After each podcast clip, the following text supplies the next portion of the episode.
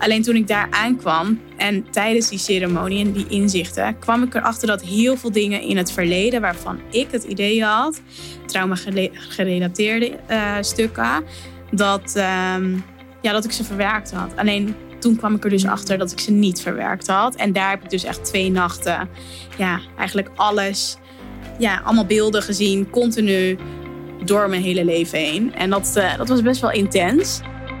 Welkom bij Mindful and Millionaire, de spirituele podcast voor zakelijk succes. Jouw bron voor inspiratie en inzichten op het gebied van zelfontwikkeling, business, carrière, spiritualiteit en groei.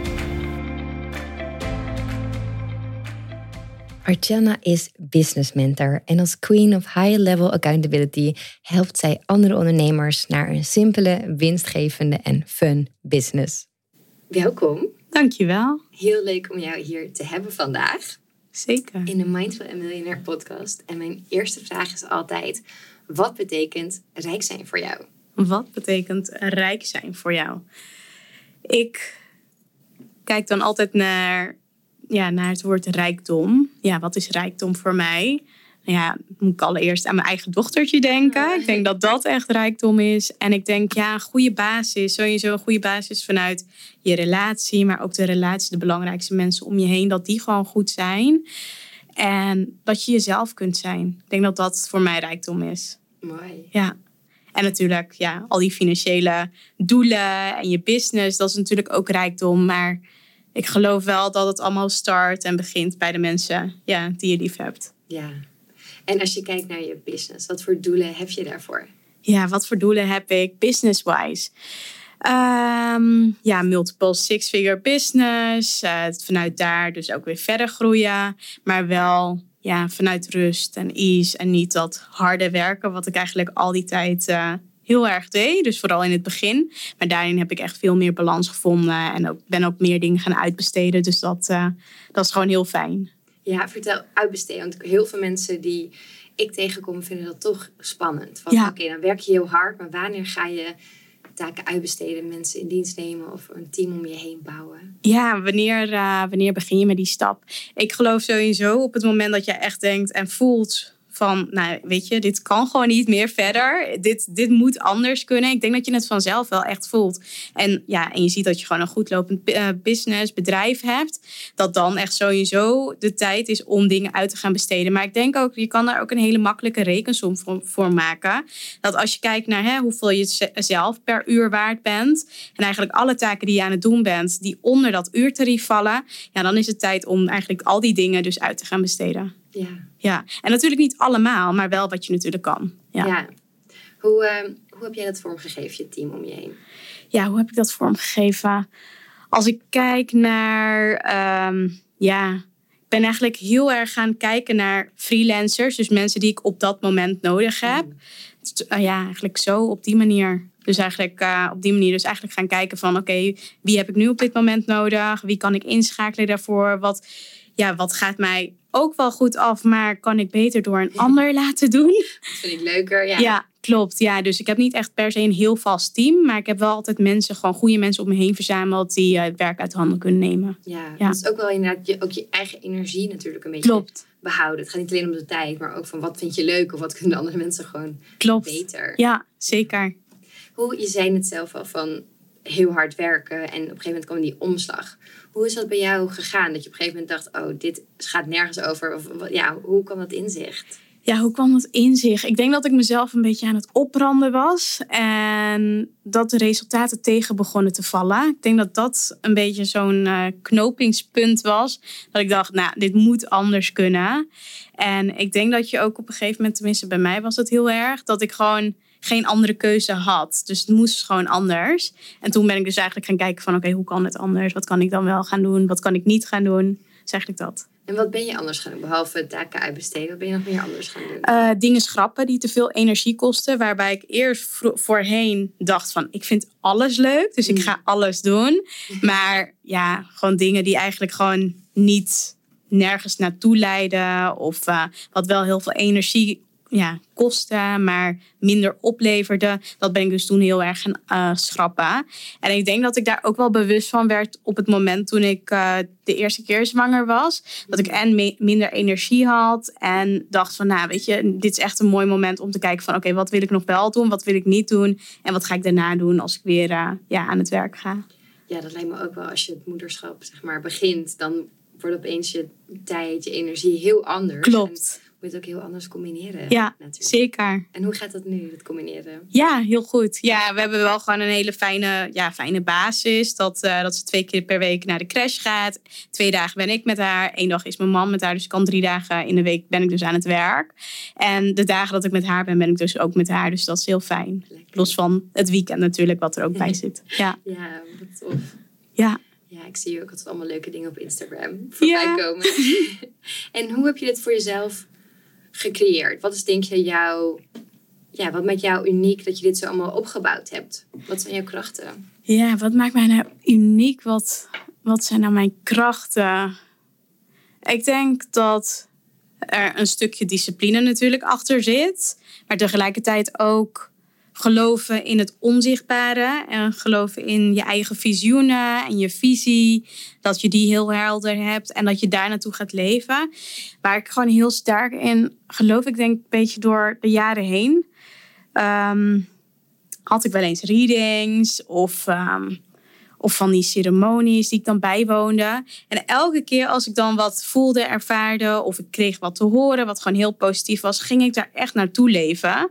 Waardoor dingen ook uitkwamen waarvan ik eerst dacht, Hè, dat, eh, dat, dat kan toch niet? Of uh, dat is toch onmogelijk? En ik denk dat dat een beetje altijd een beetje een rode draad in mijn leven is geweest qua hou vast. Maar ook in ja, dingen die je gewoon dichterbij bij jezelf natuurlijk houdt. Zoals het manifesteren, dingen echt opschrijven van wat wil je, welke kant wil je naartoe groeien. En daar, uh, daar dus eigenlijk gewoon een plannetje voor maken en dan dat natuurlijk uh, behalen. Ja. ja. En, wat, en wat voor readings en ceremonies moet ik denken? Um, ja, zielsreadingen. En ceremonies, ja, wat de meeste impact heeft gehad. Ik heb natuurlijk meerdere ceremonies voor verschillende vormen, maar het meeste, wat de meeste impact heeft gehad, zijn toch wel de ayahuasca-ceremonies. Ja. ja. ja. Kun je ons meenemen in hoe dat gaat, die hele reis eromheen? Ja, zo'n hele reis eromheen. Nou ja, sowieso um, de momenten. de momenten dat, um, dat ik het besluit nam om, ja, om naar zo'n ceremonie te gaan merkte ik, ja, vorig jaar, sowieso vorig jaar, vanaf dat moment gebeurden er allemaal dingen in mijn leven. En ik merkte dat ik best wel ver verwijderd was van mezelf. En toen op zich zoek ging naar oplossingen. En toen dacht ik, ja, ik ben ook wel een beetje van, ik moet er, ja, op een gegeven moment helpt heel veel dingen niet. Dus ja, je kan natuurlijk van alles kan je doen om bij bepaalde stukken van jezelf te komen. Maar ik weet wel dat op het moment dat je dus gewoon ayahuasca natuurlijk of zo'n ceremonie doet, dan is er geen weg meer terug. En dan moet je het natuurlijk aankijken en dan moet je het ondergaan. En uh, nou ja, dat heb ik dus toen heel erg gemerkt. Dat de, de momenten dat het dus eigenlijk minder ging met mezelf. Of dat ik patronen bij mezelf ontdekte van... oh, hier zit ik echt in een loop. Hier moet ik uit. Gewoon persoonlijk of business-wise. Dat ik toen dacht van, oh ja, ik denk dat het tijd is voor een ceremonie. Om mezelf even wakker te schudden of door elkaar te schudden. Zodat ik in ieder geval weet ja, dat er een change aan zit te komen. Ja. Wat voor, wat voor patroon heb je ontdekt over je business bijvoorbeeld door ayahuasca? Dat je dacht, oh ja, beter het helder? Um, nou ja, sowieso echt voor je waarde gaan staan, voor je doelgroep gaan staan. Ja, dat, dat voornamelijk. Dat, uh, dat het echt wel tijd was om te springen in het diepe. Dus niet echt verschuilen, niet in je comfortzone blijven zitten, omdat het eigenlijk wel gewoon allemaal prima is. Maar gewoon meer gewoon het heft in eigen handen nemen en gewoon ervoor te gaan. Terwijl, en dat merk ik dus heel sterk, dus voor als ik echt kijk naar beginjaren en ook in mijn andere business die ik had met mijn man ervoor.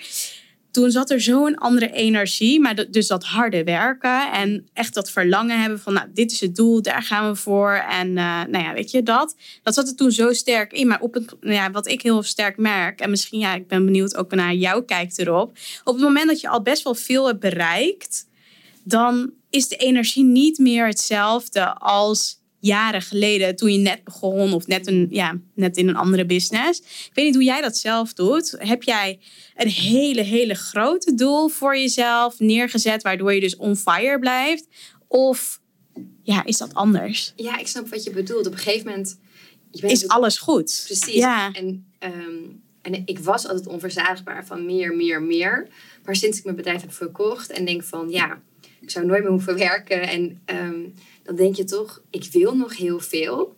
En dan kan ik ook weer echt die druk op mezelf leggen en weer dat vuurtje voelen. Maar dan denk ik aan de andere kant ook van, maar het is ook wel tijd om nu iets rustiger aan te doen. Want anders kan ik helemaal niet genieten van wat ik heb bereikt. Dus ik vind die balans altijd opzoeken tussen, ik wil nog heel veel, Ja. maar ik wil ook hier zijn. Maar ik wil ook niet lui worden. Nee. Dus ik zit altijd die balans te zoeken inderdaad van, eh, waar is het nu tijd voor? En ik ben nu meer van het idee, ik wil genieten van alles wat ik doe. Dus ook werk. Doe alleen maar dingen die ik heel erg leuk vind. Ik wil alleen maar samenwerken met mensen die ik heel goed vind. En ik, gewoon, I raise my standards. Dus ik doe alleen maar dingen die echt heel goed zijn. Ja. Dus in, dan heb ik daar weer dat, dat vuurtje. Zonder dat ik mezelf kapot hoef te werken. Van Ja. weer meer, meer, meer. Klopt. Ja. Mooi. Ja, dankjewel. Hmm. Maar ik ben nu nog even over ayahuasca. Want ik vind het toch... Ik blijf het zoiets moois vinden. Hoe kun je ons eens meenemen voor mensen die het nog nooit hebben gedaan?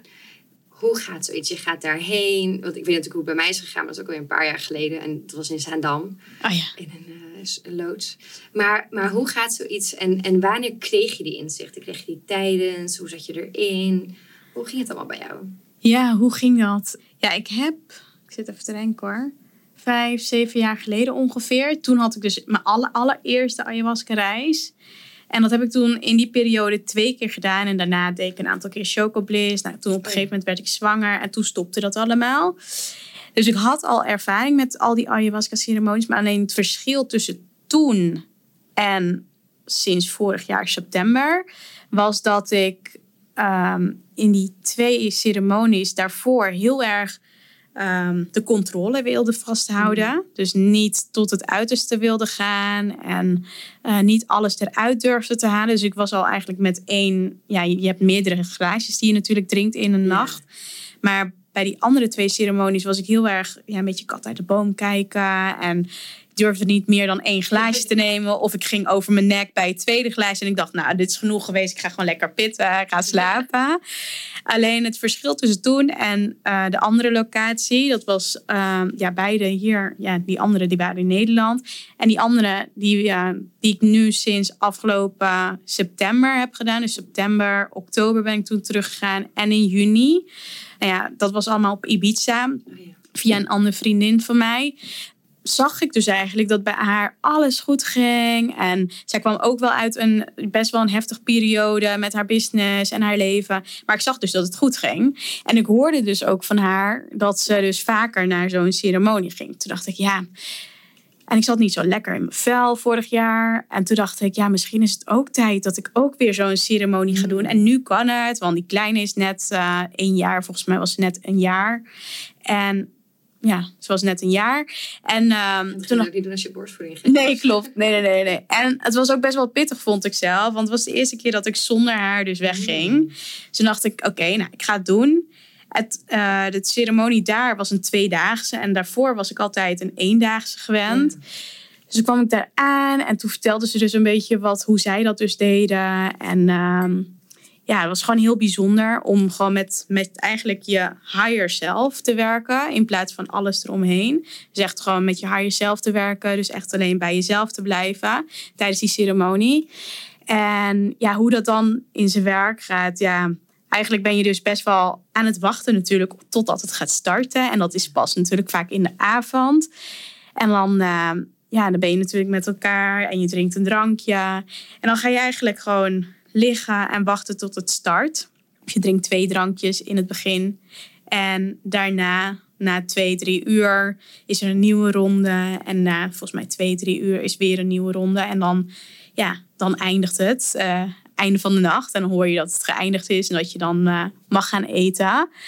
Wel gewoon een soepje of zo. Niet, eh, niet uitgebreide lijkt. Nee, nee, nee. Nee. Dus dat, eh, ja, en die inzichten, wanneer kwamen die inzichten? Nou ja ik, ja, ik weet niet hoe dat bij jou was toen jij het ooit hebt gedaan, maar ik was gewoon heel, ik krijg heel veel beelden en ja, vooral veel beelden te zien. En nou, die beelden die, die slaan gewoon heel erg op, op wat, ja, wat ik te doen heb. Alleen wat ik dus merkte, en dat was, ja, dat is alweer zo lang geleden. Maar wat ik dus, ja, vorig jaar september. Maar wat ik dus merkte, ik had dus verwacht ik, ja, ik had verwacht dat ik om een hele andere reden daar was. Alleen toen ik daar aankwam en tijdens die ceremonie en die inzichten, kwam ik erachter dat heel veel dingen in het verleden waarvan ik het idee had, trauma gerelateerde uh, stukken, dat, um, ja, dat ik ze verwerkt had. Alleen toen kwam ik er dus achter dat ik ze niet verwerkt had. En daar heb ik dus echt twee nachten, ja, eigenlijk alles, ja, allemaal beelden gezien, continu door mijn hele leven heen. En dat, uh, dat was best wel intens. Ja. Alleen wat ik toen merkte, wat was er nou? Dat ik ook weer niet al in durfde te gaan. Ik vond het heel spannend. En ik dacht, ja, wat nou als ik controleverlies? Wat nou dit? wat nou dat? Box ja. van Pandora die ook opent. Dat je denkt, het zit ja. te wachten. Nee, nee, nee. Vooral niet. Maar ja, dat zorgde er wel voor dat ik eigenlijk binnen een maand dacht... Ja, shit, ben nu wel gegaan, maar volgens mij heb ik er niet alles uitgehaald. Mm. Dus ik denk dat ik weer terug moet. Wauw. Ja, dus toen ben ik dus eigenlijk precies een maand erop, ben ik weer teruggegaan naar Ibiza. Dit keer wel met mijn man en dochter erbij. Die, uh, die dan, ja, niet bij de ceremonie natuurlijk, maar wel op me wachten in uh, het resort. En dus heen en weer konden brengen.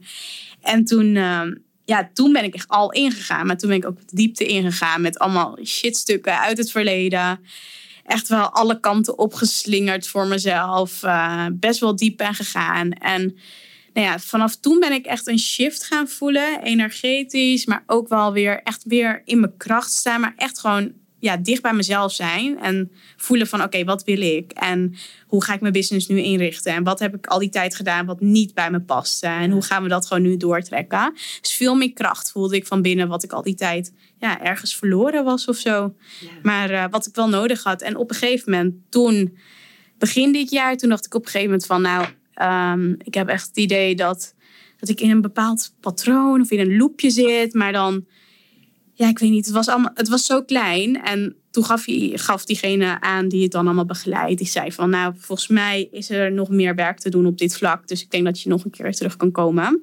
Maar ja, toen had ik al een half jaar ingepland voor mijn business. En toen had ik, ja, ik heb eigenlijk geen tijd. Want ik heb al gewoon heel veel dingen staan. En met klanten en dingetjes. Dus toen kon ik afgelopen juni kon ik gaan. Maar dat was ook heel bijzonder. En nou ja, toen heb ik gewoon heel veel stukken gezien over het moederschap en ja, gewoon mooie dingen. En ja, ook weer andere diepgaande trauma-gerelateerde dingen, kindstukken, hele andere dingen weer.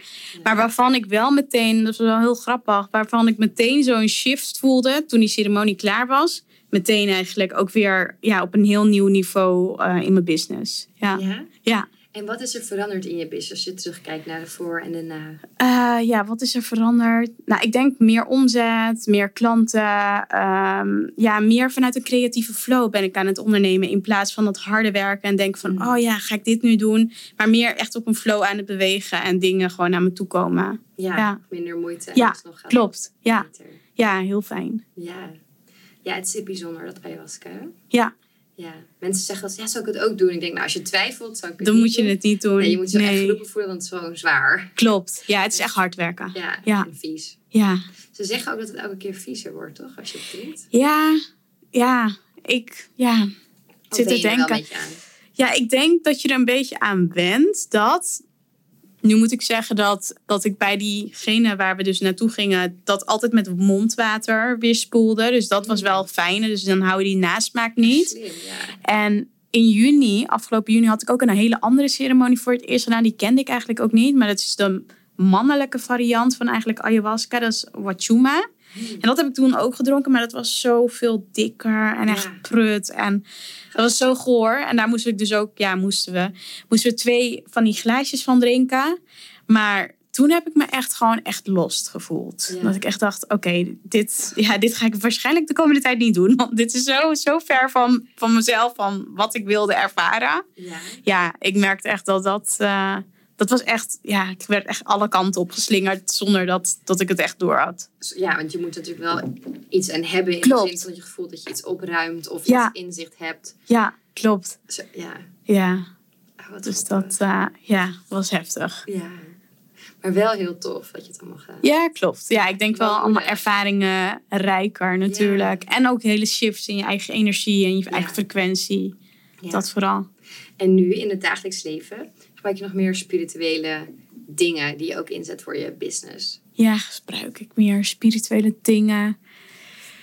Uh, Business-wise. Ja, ik heb toevallig heb ik dus laatst een. Uh, ja, ik had dus een verjaardagactie, dus ook echt heel erg ingevingsachtig. Um, ben ik dat toen gaan maken. Maar daarin ben ik dus echt gaan delen van wat nou mijn tools zijn in het dagelijks leven. Eigenlijk wat jij dus ook doet, weet je, mediteren. Uh, gewoon letten op je adem. Maar ook dat je, ja, dat je juist gaat kijken naar, oké, wat kan ik dagelijks doen om, ja, om te groeien. En nou, dingen zoals bijvoorbeeld stenen en zo zijn mij ook niet onbekend. En oliën, nou, noem maar op, dat soort dingetjes. Vind ik gewoon heel fijn. Maar niet dan om het per se te verkopen of zo, maar wel gewoon voor eigen gebruik. Ik denk, ja, dat, uh, dat vind ik heel fijn. Lekker om af en toe even toch even een spreetje ook als ik ja klopt. Oh ja even even reinigen of even ja, ja, ja heel fijn. je door alles ja. uh, doe ik hier op kantoor ook heel vaak. Oh ja tof. Ja, ja leuk. Even alles zo negatieve energie weggaan. Ja ja, super fijn. Hoe, hoe gebruik je energie voor jezelf? Hoe zorg je dat je die energie in kan zetten zoals jij dat wilt? Ja, hoe zorg ik ervoor dat ik mijn energie in kan zetten?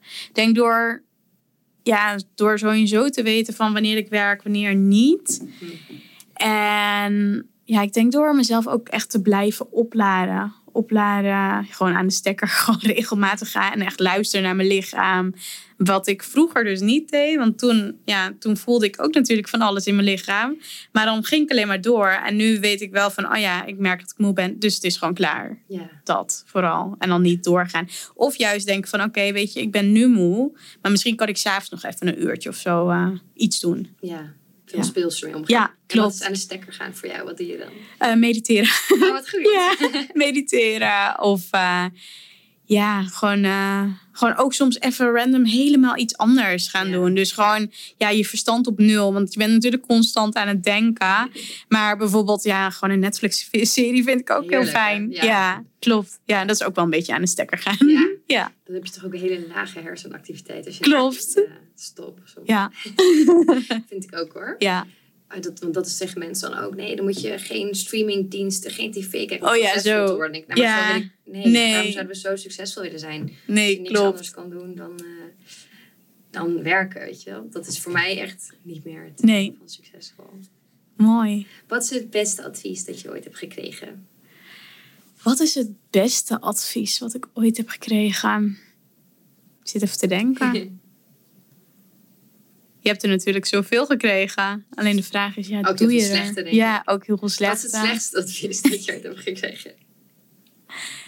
Ja, nou ja, ik denk sowieso toen de periode toen ik eigenlijk van loondienst naar het ondernemerschap mm. ging, vijf jaar, bijna vijf jaar geleden toen werd er natuurlijk van alles gezegd. Van nou, zou, zou je dat wel doen? Is het wel handig? Want je wilt ook over een paar jaar uh, met kinderen beginnen. Mm. Nou, nou, dus zit je toch veel veiliger bij een baan. Nou ja, dat was het slechtste advies. Ik dacht, ja, daar luister ik echt niet naar. Maar ik denk, ja, wat is nou echt het beste advies? Mm. Ja, ik denk toch wel echt gewoon altijd naar jezelf te blijven luisteren. Dus echt je intuïtie, voelen wat, uh, wat je zelf wilt doen dat, uh, dat dat gewoon het beste advies is. Ja. Hoe, hoe merk je jouw intuïtie? Wordt dat. Uh, ja, ik voel dat in mijn onderbuik voor, vooral. Als iets goed is of juist niet goed, dan voel je het nog sterker. Ja. En dan, ja, dan is het echt een kwestie van ga je er naar luisteren of niet. En ik merk als ik er niet naar luister, kom ik mezelf gewoon heel erg tegen. Maar wat ik ook merk, door juist nee te zeggen, komen er weer ja, hele mooiere, ja, eigenlijk veel mooiere dingen op mijn pad. Ja. En hoe weet je het verschil tussen intuïtie en angst? Ja, Als je toch niet en angst. Ja. ja, of je dus echt in die schaarste zit in plaats van die overvloed. Dus op het moment ja, is iets intuïtie of angst. Ik denk toch wel dat, dat je dat echt, ja, dat je dat stukje wel voelt. Of dat je bang bent om iets te gaan doen. Dus uit je mm. comfortzone wilt, uh, ja, zou moeten stappen. Of dat je Mooi. Ja. ja. Dus als je heel goed luistert, dan kun je het gewoon voelen. Ja, klopt. Maar wel die ruimte ervoor nemen. Ja. zeker. Mooi. Wil je ons nog als laatste een advies geven, de luisteraars? Ja, um, denk dat het goed is om altijd gewoon naar jezelf te blijven luisteren. Goed te kijken naar hè, wat je wilt, welke kant je op wilt. Grootste te blijven dromen. En vanuit daar dus ook gewoon kijkt van hè, waar je naartoe wilt groeien. En dat daar gewoon echt heel veel tools voor beschikbaar zijn. Dus dat je die ook echt mag gaan inzetten. Dus je hoeft niet alles zelf te bedenken, zelf, ja, zelf te doen. Dat vooral. Dankjewel. Ja, jij bedankt. Je luisterde naar Mindful Millionaire, de podcast. Ik hoop dat deze episode je nieuwe inzichten, inspiratie en ideeën heeft gegeven. Mocht dat zo zijn, dan ben ik je super dankbaar als je deze podcast deelt, volgt, reviewt of een shout-out geeft op Instagram via Steffi Roos Dankjewel en tot snel.